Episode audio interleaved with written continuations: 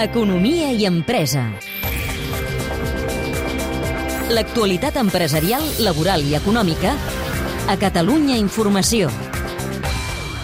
La cooperativa Coselva de la Selva del Camp ha complert 120 anys i s'ha convertit en una referència al sector, sobretot de la fruita seca i l'oli d'oliva de qualitat.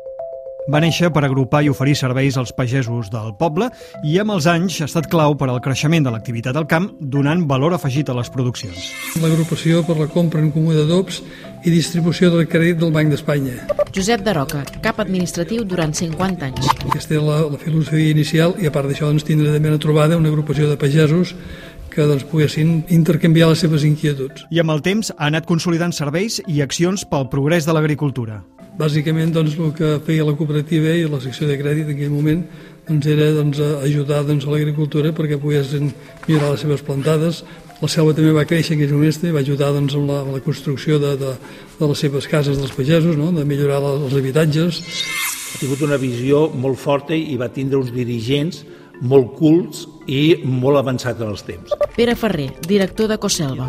Quan ningú no hi havia necessitats d'aigua, aquí ja es va fer una secció de recs. Ara es parla molt de les agrobotigues. Aquí als anys 60-70 doncs ja hi havia una agrobotiga, eh, que era molt minsa, només es venia una mica d'oli i de vi a granel, però ja hi havia una agrobotiga. I amb aquests antecedents i salvant algunes crisis, Coselva s'ha convertit en una potent cooperativa. Any de fundació. 1900. Número de socis. 2.200. Treballadors en nòmina. 100. Producció que gestiona. 5 milions de quilos de fruita i 400 tones d'oli. Facturació prevista per aquest any. 25 milions d'euros. La fórmula de l'èxit és explotar els productes de quilòmetre zero. Les avellanes pràcticament s'han centrat amb la denominació d'origen avellana de Reus. Nosaltres pràcticament fem el 80% de totes les avellanes que es comercialitzen en denominació d'origen i també s'han focalitzat amb la indústria del xocolata, del gelat, de la pasteleria.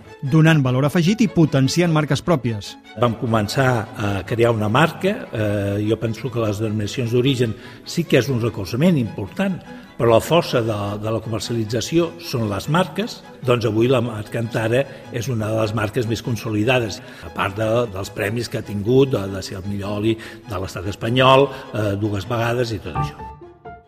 Ens hem de defendre eh, pel producte de proximitat i ara que està tan de moda tot el tema del quilòmetre zero, hauríem de ser entre tots una mica més xovinistes i anar a buscar aquests productes de proximitat que avui a través d'un qualsevol mòbil o qualsevol eh, ordenador, clicant coselva.com, doncs els tens al teu abast en menys de 24 hores, te'ls postem a casa i si comprem productes del nostre país farem que els nostres pagesos puguin eh, tirar endavant. I amb la mateixa filosofia, el futur passa per un trasllat de l'actual molí d'oli que tenen al centre del poble i per establir aliances amb cooperatives i societats veïnes. Però sí obrir una mica les portes al costat, a les cooperatives del costat, per qui es vulgui sumar eh, al nostre projecte no per desmantelar doncs, eh, els pobles d'aquí al costat, intentar doncs, unir esforços, continuar donant eh, el servei eh, al poble